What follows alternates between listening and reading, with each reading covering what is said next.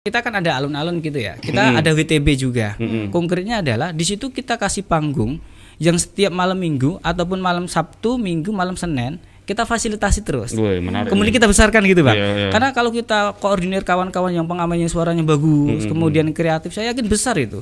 Daripada mereka berkeliaran ke mana-mana gitu, Mm-mm. ke jalan, ke kafe yang uangnya nggak jelas, nggak pasti. Mm-mm. Ketika mereka jadi seorang youtuber profesional, nggak perlu lagi kita ngasih uang, udah pasti mereka besar gitu. Iya, iya, Tapi iya. kan perlu panggung gitu ya. Iya. Perlu panggung yang perlu disediakan sama pemerintah, perlu difasilitasi dan perlu dibesarkan.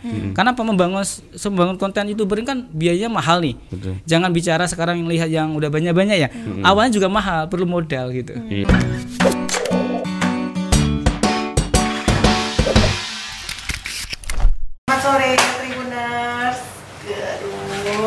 Aduh. Udah lah ya. Baru ngobrol sama Mas Selamat tadi. Oh, Selamat ya, ya. hari Senin ya. Oh, oh, bukan selamat Hari Sumpah Pemuda ya? Bukan, belum. Hah? Belum. Oh belum ya? Belum. Oh, Tapi iya, nggak apa-apa iya. kita dalam rangkaian eh, acara Hari Sumpah Pemuda lah. Oh, Iya. Oke, makanya kita undang apa pemuda-pemuda. eh, pemuda-pemuda ganteng Batam nih ya. Eh, ada siapa nih? Ada Bang Askarmin Harun Iya, ya, terima kasih. selaku sekretaris DPD KNPI Kota Batam. Ada juga Bang Slamet Munawar. Iya. Iya. Siap. Wakil Ketua Bidang Organisasi, Kaderisasi dan Keanggotaan KNPI Kota Batam. Oke, Wih. mungkin Jadi mungkin sebelumnya ini dulu kita minta maaf lah hari kan sempat kita posting posternya Iya, kemarin Bang Teddy ya Bang ketuanya Teddy. ya. Iya. Bang Teddy Karena sedang kenapa? Sakit. Kenapa Bang? Karena lagi sakit. kurang enak badan lagi kurang enak badan. Oh. sakit. ya bisa dikatakan begitulah Nah, Iya ya, hari-hari ini mungkin harus berjarak dulu deh ya. Iya, iya. karena takut sesuatu Iya, ya. tapi aman lah. Diwakilkan Bang Selamat lah ini. Nanti Iya. kita bedah nih apa nih KNPI. Nah, kan? Tapi sehat kan, Bang? Sehat alhamdulillah. Nih. Doa kita semuanya kan kita sehat selalu. Iya, meskipun ketutupan masker kelihatan dari mata-matanya itu seger. Segar, segar. Pemuda mau sok loyo Iya, kan. benar-benar. Bang Iya. Karmin dan Bang Slamet, kita panggil Bang ya. Siap. Iya. Mm-mm. Bang KNP ini organisasi apa sih, Bang? ya jadi KNP ini adalah organis apa kepanjangan singkat kepanjangannya Komite Nasional Pemuda Indonesia Yes.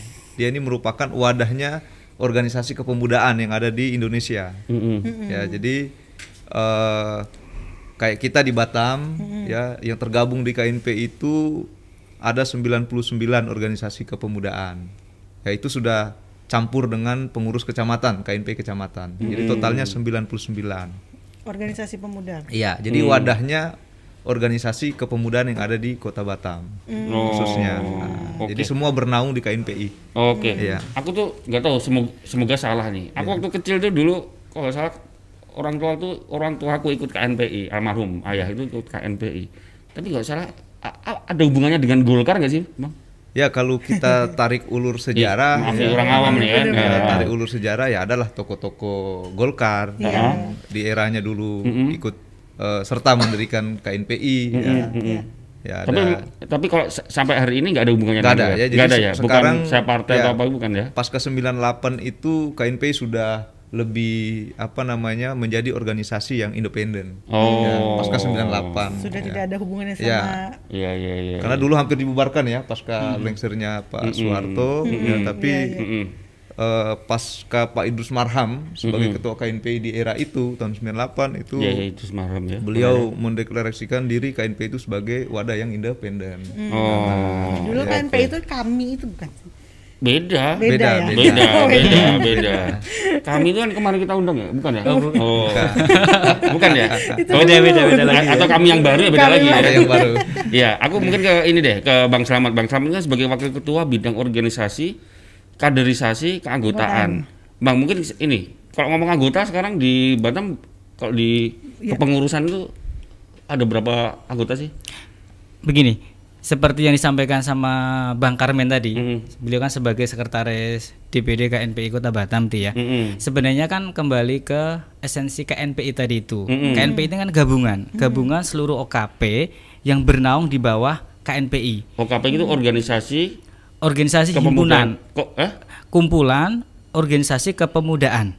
Oh. Jadi kumpulan gitu maksudnya. Kumpulan. Kumpulan, kumpulan. Organisasi pemuda-pemuda dikumpul jadi Kumpulan, satu, mm-mm. itulah yang disebut dengan KNPI. Oke, clear ya. Kalau bicara masalah sejarahnya seperti disampaikan sama Bang Karwen tadi, Hmm. tidak terlepas dari awal Orde Baru. Jadi pada saat awal tahun 70-an itu kan seperti disampaikan tadi kami tadi dengan kesan aksi mahasiswa itu kan representasi munculnya Orde Baru. Karena waktu itu tidak bisa mengakomodir seluruh pemuda-pemuda, maka muncullah banyak organisasi kepemudaan di awal-awal tahun 70-an.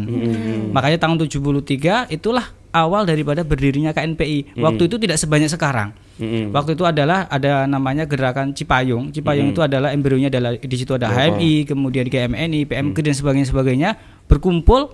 Inilah mendirikan daripada KNPI tadi itu. Oh. Jadi kalau bicara masalah anggota sebenarnya anggota KNPI itu ya UKP UKP itulah anggotanya. Apa-apa, gitu. Iya, iya, iya. Jadi dia dia bisa anggota organisasi pemuda apa, tapi dia ikut di KNPI gitu Iya, ya kan. betul betul. Iya, Berhimpunnya lah di KNPI seperti itu. Oh. Yang tadi 99 Ya, tadi itu ya. ya. Iya iya iya iya. Kalau tujuannya dari KNP ini apa, Di Bang? Ya, jadi tujuan KNP ini bagaimana seluruh pemuda itu bersatu, menyatu dalam satu wadah yang namanya KNP ini.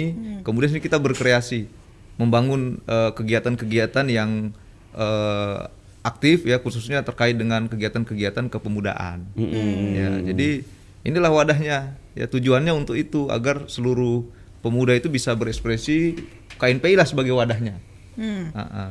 Hmm. Jadi kalau dibilang kegiatannya apa sih ke KNPI program-programnya Iya. kayak gitu, Bang? Jadi kita sudah satu tahun dari periode lalu, ya kami ini sudah mau menja- sudah hampir jalan dua tahun Oh, untuk tahun. kepengurusan KNP ini, ya. Itu sudah banyak yang kita lakukan. Ya kemarin kita pernah adakan eh, debat bahasa Inggris SMA Sekota Batam, ya. Futsal SMA Sekota Batam. Nah, terus eh, apa lagi, Mas Lamet? Saya lupa. Ada Kon- banyak. konser sudah- amal, saking banyaknya kegiatan itu Konser amal kalau Konser amal. konser ya, amal iya. pemuda yang covid kemarin Mm-mm, Nah, ah. mm-mm. Eh, terus kita juga pernah mengumpulkan UKM eh UMKM ya UMKM UMKM. UMKM ya untuk mendapatkan sertifikat dari dinas kesehatan hal sertifikat apa namanya Eh, bukan halal apa namanya ya Eh, kesehatan lah. Intinya label kesehatan ya. Itu kita pernah lakukan dengan UMKM UMKM sekota Batam. Ah, ah. Berarti tidak ada agenda-agenda pasti maksudnya setiap tahunnya begitu. Ya, tahun lalu itu kita ada agenda yang memang sudah kita programkan dan terencana. Cuma di tahun ini karena Covid, ya, tetap ada agenda-agenda yang kita lakukan, tapi tidak terencana jadinya. Ya, tetap ada dalam setiap momen itu ada. Kayak kita momentum tahun ini, Sumpah Pemuda ya salah satunya dialog ini. Kemudian nanti ada dialog juga dengan eh, entrepreneur muda. Tanggal 28. Kemudian kita juga ada eh, apel di perbatasan nanti di belakang Padang bersama kawan-kawan aliansi pemuda di belakang Padang. Untuk Sumpah Pemuda ya. Mm-mm. Ya sudah banyak kemarin bagi-bagi beras ya dari KNPI dari kita kumpul-kumpul dari pemuda saling gotong royong ya bagi-bagi untuk masyarakat Bagi-bagi efek pandemi. ya, Ya. Itu kalau ngomong kegiatannya ya, Iya. tapi mungkin dari sisi organisasi sebenarnya visi misinya itu Iya. apa Bang Samad mungkin kalau Bang Samad? Sebenarnya kalau terkait dengan visi kan misi ada visi misi ya. Ada Iya, visi betul, misi, betul. visi misi. Visinya. terkait dengan visi misi KNP itu setiap generasi itu mengalami pergeseran ataupun perubahan tergantung dengan zaman yang dilaluinya. Awal berdirinya KNPI sama sekarang berbeda. Setiap kita selesai melaksanakan kongres, maka dari pengurus DPP KNPI akan merumuskan daripada visi misi yang sedang berjalan. Begitu juga setiap Oh, kota setiap kota kemudian kabupaten ataupun daerah yang provinsi itu juga memiliki- Beda. beda. Tapi secara garis besarnya sama. Oke, Bagaimana menyatukan seluruh elemen-elemen pemuda yang berada di bawah KNPI menjadi satu kesatuan di mana elemen ini bisa memberikan kontribusi nyata bagi pemerintah terkait. Dalam hal ini Kota Batam bagaimana KNPI Kota Batam ke depannya bisa memberikan kontribusi yang nyata untuk Kota Batam itu sendiri. Itu visinya. Mm-mm. Bagaimana Visinya. misinya? Misinya seperti yang disampaikan sama Pak Sekjen tadi bahwasanya ada kerja fisik, ada kerja non fisik. Kalau kerja fisik kan kita melakukan kegiatan, gotong royong sebagainya. Kerja non fisik kita adalah sebagai kontributor memberikan masukan positif kepada pemerintah Kota Batam. Apabila kita diminta ataupun tidak diminta. Hmm. Seperti kita pembahasan Ra- Raperda, kemudian pembahasan kemudian musrebang dan sebagainya, kita selalu terlibat di dalamnya. Bagaimana kita mengusulkan agenda-agenda satu tahun ke depan pemerintah Kota Batam bisa melibatkan generasi muda gitu. Ini yang selalu kita lakukan, baik musrenbang tingkat kecamatan, kemudian tingkat kota, ini selalu kita kawal. Begitu juga kita selalu mengadakan audiensi dan hearing kepada DPRD terkait dengan komisi terkait. Kita akan selalu memberikan masukan kepada mereka terkait dengan keterlibatan pemuda. Karena apa mau tidak mau pemuda harus dilibatkan gitu. Selama ini selama ini eh, pemerintah atau stakeholder lah terkait dengan tadi ada dengan pendapat ada masukan-masukan ke pemerintah, ke DPRD selama ini didengar bang. Insya Allah selama ini kita tetap komunikasi Heeh. karena kita fungsinya kan bukan sebagai elemen pemerintah ya kita sebagai memberikan masukan gitu kan memberikan input kepada mereka ya apa pun kita akan tetap sampaikan. Walaupun tidak dilaksanakan tetap akan kita kontrol gitu ya. Salah satunya adalah bagaimana anggaran ini ke depannya juga melibatkan pemuda gitu. Setiap kegiatan ini makanya selama ini kegiatan ini kita selalu terlibat di dalam pemerintah. Kegiatan kita ini kadang ada yang dititipkan kepada SKPD ataupun kita dikasih porsi tersendiri. Bagaimana pemuda ini bisa bisa hidup dan bisa bergerak di kota Batam gitu. Oke, Bang Armin, saya mau Ya. nanya ini, apa bedanya kalau Batam ini tidak ada KNPI dengan ada KNPI? Wah itu beda sekali. masih berbeda ya? Iya, Ya, beda. berbeda sekali ya. Jadi dengan Batam ya dengan adanya KNPI Mm-mm. itu dapat menjadi satu tolak ukur Mm. ya khususnya kawan-kawan pemuda yang ada di kota Batam itu bisa salurannya melalui KNPI untuk apa kebijakan-kebijakan terkait kepemudaan ya itu kita bisa dorong melalui KNPI karena KNPI ini sudah melahirkan banyak tokoh ya kita lihat tokoh-tokoh nasional ya dari Akbar Tanjung Cahyo Kumolo Idrus Marham ya. Itu rata-rata semua dari KNPI ya termasuk sekda kita sekarang sekda Kota Batam itu mantan ketua KNPI Kota Batam. Oh, artinya apa? Bahwa KNPI ini adalah satu wadah organisasi kepemudaan yang sudah diakui oleh pemerintah ya yang selalu memberikan masukan-masukan yang kritis ya membangun ya konstruktif ya terhadap pemerintah Eh, sehingga dengan adanya KNP ini kita juga menampung aspirasi-aspirasi dari kawan-kawan muda eh, terkait dengan kebijakan-kebijakan yang mau dibuat oleh pemerintah khususnya untuk kaum pemuda. Ya, makanya kalau tanpa KNPI ini juga bisa ada kekurangan masukan-masukan terkait dengan kebijakan-kebijakan pemerintah itu. Hmm. Ya karena seperti yang disampaikan oleh Pak Selamet tadi, ya Mas Selamet tadi bahwa kita mengawal itu, ya setiap kegiatan eh, pemerintah yang membuat kebijakan-kebijakan tuh kita kawal dari musrenbang, dari itu ramperda, ya kita selalu mengkritik, ya baik pun secara KNPI secara institusi ataupun kami sebagai pemuda. Hmm. Ya. Iya, iya. Oke, oke, Kalau oke. kaitan ini sama kan memang topik kita kan mengarahnya kan tadi dalam Iya. memperingati Hari Sumpah Pemuda. Sumpah ya. Pemuda, Hmm. betul. Nah, kalau menurut Bang Teddy, eh Bang Teddy, Bang Karmin dengan Bang Slamet ya, ya makna Sumpah Pemuda lah. Menurut Bang Karmin. Ya, jadi kalau menurut saya memang makna Su- Sumpah Pemuda itu adalah bagaimana eh, anak-anak muda Indonesia itu memiliki satu komitmen untuk membangun keindonesiaan kita yang berbeda-beda suku ini, berbeda-beda ras ini untuk membangun Indonesia ini. Jadi menyatu, kita harus menyatu maknanya. Ya, kita sudah harus jangan lagi terpecah-pecah. Ya, walaupun itu selalu terjadi ya, tapi ya ini ini di momentum ini ini adalah refleksi kita gitu. Untuk memaknai bahwa Sumpah Pemuda ini adalah satu simbol titik di mana rasa keindonesiaan kita itu hadir. Nah, melalui pemuda-pemuda ini. Ya. sampai kita bisa merdeka itu juga melalui dasarnya ya. Saya pikir Sumpah Pemuda ini. Karena ada satu keinginan semangat bersama oleh para pemuda-pemuda terdahulu. Dan kita tinggal melanjutkan itu. Bagaimana kita merawat Sumpah Pemuda ini agar kita tetap bersatu sebagai sebuah bangsa. Iya. Eh, Bang Slamet, sebenarnya Siap. anak muda Batam tuh masih paham atau ngerti Sumpah Pemuda nggak sih? Pengamatan mungkin mewakili KNPI atau secara pribadi lah. anak muda Batam tuh masih ngah nggak sih dengan Iya, iya, Sumpah Sumpah Pemuda itu? Iya. Saya yakin saya rasa dan 100% pasti paham lah.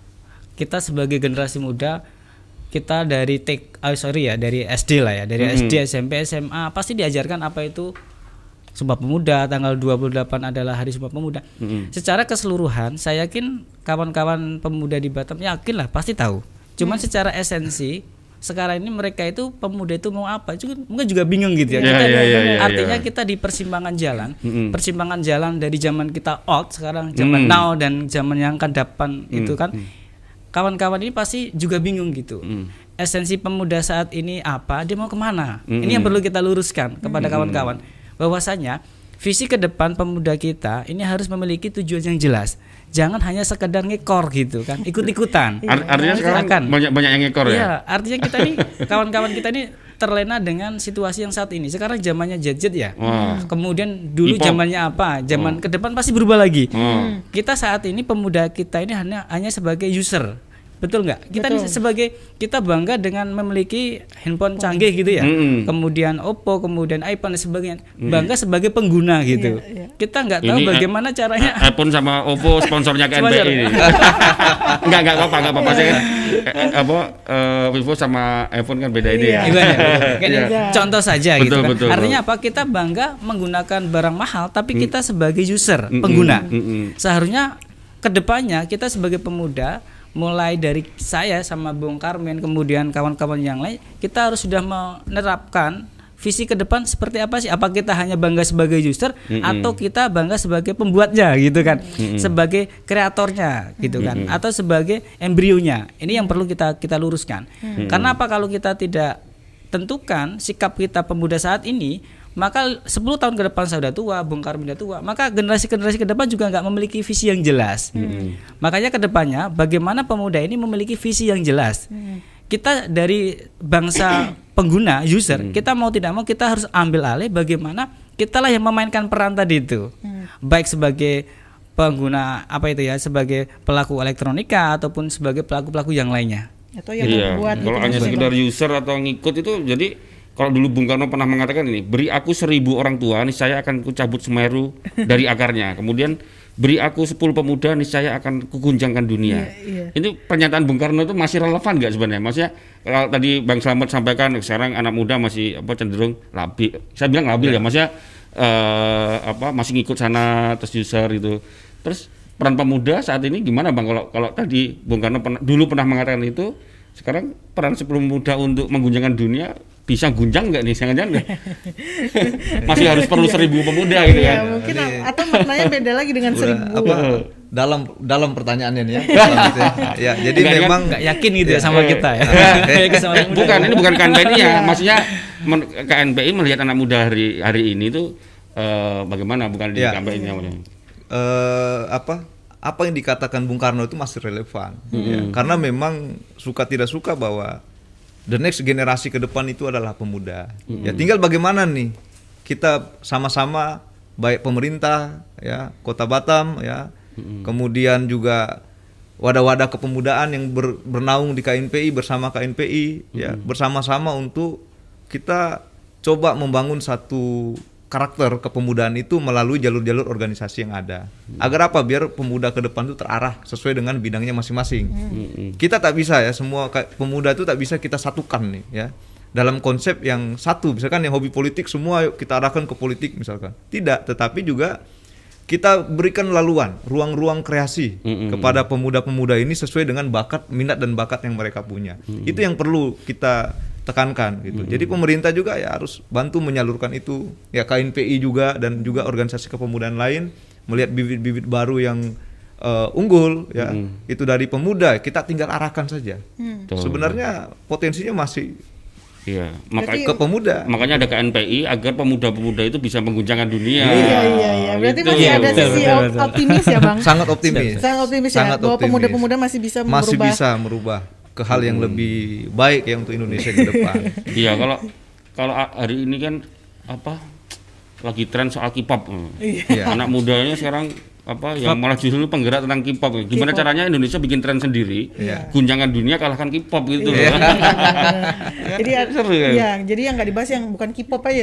K-pop aja, bukan semua. penikmat K-pop Iya. ya. Iya, yang politik arahkan ke politik, gitu. Olahraga ke Industri olahraga. kreatif, industri kreatif. Industri kreatif, betul. Bang, kalau kalau bang ngelihat peran pemuda nih yang ada, ya kita nggak usah muluk-muluk, maksudnya ngelihat yang di Batam aja. Iya, iya. Peran pemudanya itu, eh, apakah mereka sudah melakukan sesuatu untuk ya untuk bangsa lah, Ya, untuk saya- kota inilah maksudnya. Saya pikir sudah gitu. Jangan-jangan pemudanya hanya di KNPI, tapi misalnya di pemerintahan anak mudanya banyak nggak sih? Bang? Enggak, misalnya banyak, di, banyak. di Jadi, birokrasi gitu, Saya di lihat ya DPR. di birokrasi juga banyak ya. Apa- Di era ini kita lihat banyak anak-anak muda, khususnya pengurus-pengurus KNPI ya itu yang sudah ada di level di birokrasi itu mereka tuh rata-rata sudah di level eh, eselon 3 ya eselon 3 dan 4 itu banyak pengurus KNPI termasuk ah, misalnya ketua kami nih Bung Tedino ini juga termasuk berprestasi dia. Karena sudah berapa kali menjadi ketua apa kepala bidang ya di pemerintahan. Artinya apa? Artinya bahwa dari sini aja sudah tercermin bahwa banyak pemuda-pemuda itu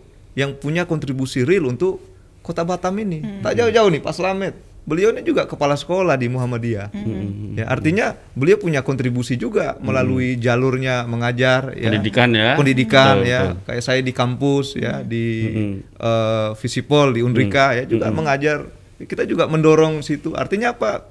Bahwa itu adalah bukti nyata real ya bahwa anak muda di kota Batam itu rata-rata sudah berbuat ya sesuai dengan bidang mereka masing-masing. Iya. Kal- Kalau yang ini bang, kalau yang mu- mungkin eh yang belum di birokrasi misalkan atau dia Ya. mungkin belum di ini yang anak-anak muda sekarang yang masih sekolah, Sekolah, ya. iya. yang belum Eh, di KNPI misalnya Nah, apa, KNPI apa, lah. apa yang bisa atau mungkin ini soal anggota nih ya mungkin saya Ya. ini mungkin bang bang Slamet lah mungkin anak muda Batam tuh bagaimana sih mereka menunjukkan peran untuk membangun kota kotanya lah paling enggak kita ngomong Batam dulu Batam deh. dulu. Mm-mm. Oke. Mungkin kalau kita muter-muter kota Batam gitu ya, Pak ya. Mm, mm. Banyak sekali anak-anak muda kita ini yang saya lihat sudah kreatif. Karena apa? Yang memiliki kedai apa atau gerai gitu kan seperti Jumlah, kemudian seperti Flupi, kemudian seperti kedai kopi yang di Batu Aji rata-rata masih muda-muda. Mm-mm. Ketika saya ngobrol sama mereka, mereka rata-rata masih kuliah gitu. Ber- Berarti kan umurnya masih sekitar 20-an, tapi mereka sudah kreatif, mereka sudah nggak mau atau artinya nggak mau 100% uang dari orang tua, mereka sudah berusaha bagaimana dia bisa berkreatif, bisa ada usaha, kemudian usaha tersebut bisa untuk melanjutkan kuliah kawan-kawan. Ini kan sesuatu hal yang sangat positif. Kemudian sekarang zamannya youtuber ya. Saya lihat beberapa waktu yang lalu saya juga bergabung sama kawan-kawan yang masih muda-muda. Dia punya komunitas, kemudian dia punya subscriber yang banyak. Ini kan luar biasa gitu. Mereka tetap berkreasi, mereka tetap ber, bereksperimen, mereka tetap ada hasil dan produk walaupun masih muda-muda. Ini kan luar biasa gitu. Apabila kawan-kawan ini selalu kita support, kita dorong, saya yakin masih banyak kawan-kawan pemuda yang akan ke depannya akan Muncul-muncul ya, gitu betul. dengan kemampuan yang berbeda-beda gitu. Hmm. Iya, ini katanya apalagi 2030. Iya, Nah, 2030. Iya, 2030 kita Iya. akan ada bonus eh, bonus demografi. Betul, Iya. ya, ya orang apa usia-usia produktif Usia-usia akan produktif. akan lebih banyak ya dibanding Iya, ini ya. nah, ya m- mungkin masih lanjut ke Bang Slamet deh, Iya. Bang Slamet. Apa? Tadi kan soal support ya pemerintah. Emang eh, bagaimana sih seharusnya bentuk konkretnya lah pemerintah itu mensupport anak-anak atau pemuda Batam nih Hmm. agar mereka itu tadi muncul lagi bermunculan semakin banyak, semakin besar sehingga mereka bisa berproduktif dan goalnya salah satunya juga menggerakkan Batam ini. Oke. Mungkin dari sisi beberapa bidang gitu ya, coba sebagai contoh ya, ke depannya mau tidak mau pemerintah ini ada konsen kepada panggung-panggung pemuda gitu ya. Panggung saya lihat beberapa daerah itu ketika saya ke Jawa gitu ya. Maka setiap malam minggu itu kalau di Solo itu kan di Beteng itu ya, di di pasar Beteng itu. Di situ pasti ada pusat hiburan pemuda. Itu pun disupport full sama pemerintah. Artinya apa? Bagi anak-anak muda yang memiliki talenta di bidang musik, bisa konser gratis, kemudian disupport gitu. Artinya apa? Itulah yang menimbulkan mereka semangat. Kalau di Jogja itu ya di alun-alun itu ya. Itu banyak sekali youtuber-youtuber yang besar dari situ Hmm. lokasinya disiapkan, kemudian disapa sama pemerintah, mereka berkreasi sehingga mereka banyak punya banyak memiliki konten-konten. Saya lihat rata-rata subscribernya sudah di atas 500-an ribu yang di Jogja itu yang Iya, sering saya kalau Jogja saya ke- Music Project gitu ya. itu contohnya bukan ya. satu orang tapi banyak gitu Betul. banyak kawan-kawan di situ betul-betul kreatif karena apa supporting dari pemerintah ada harapan saya ke depan mungkin pemerintah bisa memfasilitasi mungkin salah satu contoh aja. Ketika ada musisi kita yang di Batam biar kita orbitkan harus disupport beri mereka panggung beri mereka tempat sehingga mereka itu bisa berkreatif jangan mereka suruh keliaran di apa itu ngamen Hmm. antara kafe itu juga kurang bagus mau tidak mau harus ada satu tempat di situ difasilitasi dan dibesarkan Hmm. saya yakin lima tahun ke depan banyak sekali musisi yang dari Batam gitu Jadi gimana Bang kira-kira konkret? Misalkan contoh yang soal musisi tadi. Mungkin Konkretnya apa? Pem- konkretnya kita kan ada alun-alun gitu ya kita ada WTB juga konkretnya adalah di situ kita kasih panggung yang setiap malam minggu ataupun malam Sabtu Minggu malam Senin kita fasilitasi terus menarik. kemudian kita besarkan gitu bang Iya, iya. karena kalau kita koordinir kawan-kawan yang pengamannya suaranya bagus kemudian kreatif saya yakin besar itu daripada mereka berkeliaran ke mana-mana gitu. Ke jalan ke kafe yang uangnya nggak jelas nggak pasti. Ketika mereka jadi seorang youtuber profesional nggak perlu lagi kita ngasih uang. Udah pasti mereka besar gitu. Iya, iya, tapi kan perlu panggung gitu ya? Iya. perlu panggung yang perlu disediakan sama pemerintah perlu difasilitasi dan perlu dibesarkan. Karena apa? Membangun membangun konten youtuber ini kan biayanya mahal nih. Betul. jangan bicara sekarang yang lihat yang udah banyak-banyak ya. Awalnya juga mahal perlu modal gitu. Iya, ini harusnya ini nih apa? Apa? Calon wali kota ini harusnya jualan ini nih kan. Misalkan, wah saya akan apa belikan sound system untuk tiga titik di Batam, wah gratis pakai sound system ya, wah seru nih. Semoga didengar Pak Rudi sama Pak Mudah-mudahan. Pak Lugita. sehingga, sehingga ada ada perubahan ke depannya jangan hanya sekedar program yang monoton Iya. kemudian program yang seharusnya nggak diprogramkan pun itu udah di- dilaksanakan gitu ya artinya Iya. kita bikin kreatif kreatif baru kalau kepala daerah ini mendengar artinya kan ada sisi-sisi positif yang perlu di-create gitu Iya, bisa iya. menimbulkan potensi yang baru Berarti Iya. sejauh ini pemerintah Kota Batam belum sampai situ. saya rasa udah cuma kurang konsisten aja Kurang saya rasa perlu konsisten perlu bidang ataupun perlu dinas yang betul-betul mengcreate mohon maaf lah ya kawan-kawan yang di Jogja itu kan betul-betul di-create gitu jadi besar gitu Hmm. Ya nanti kita titip ke NPI lah untuk mengawal ini. Siap. Iya, Ya, iya, Mas Garmen ya. Ya, Jangan jadi- menyampaikan langsung ke Ah, pemerintah. ah, Ya, Iya. Jadi memang gini apa eh, Iya. Oh, Ngomong muncul muncul. Eh, mungkin headsetnya ya. Ah, lanjut aja. Ya, jadi memang eh, kami khususnya dari KNPI itu memang sudah ada satu program jangka panjang selama tiga tahun ini itu untuk membuat satu taman kreasi pemuda. Ya, taman kreasi pemuda itu wujudnya seperti yang disampaikan Mas Lamet tadi. Artinya kita ingin ada satu taman khusus untuk pemuda, ya kemudian situlah ruang-ruang berkreasi kepemudaan, sehingga nantinya juga di situ akan tumbuh eh, ruang-ruang ekonomi baru, khususnya melalui anak-anak muda ini. Ya, setiap anak muda boleh bergantian terkait dengan apa bakat mereka, seni mereka yang ada di eh, kota Batam ini. Jadi Itu kita sudah. sudah kita sedang kita kita akan push ini terus, ya. Karena ini tiga tahun ini target kita harus ada taman taman pemuda itu. Dikasihlah lahan khusus untuk pemuda. Saya jadi inget ini eh, Bang Bang Slamet. Saya dulu pernah bikin kajian soal apa kota kreatif. Kebetulan saya juga dari Jogja gitu. Jadi eh, apa Kolombia itu ada kota namanya Medellin. Itu kotanya Escobar. Iya. Itu di situ anak mudanya masyarakatnya semua mainnya hanya senjata dan nar- narkoba. Karena memang di di ini sama Escobar gitu loh. Belakangan sekarang kan menjadi kota yang jadi, menjadi per- per- percontohan dan dapat penghargaan dari UNICEF dan PBB jadi itu menjadi kota kreatif.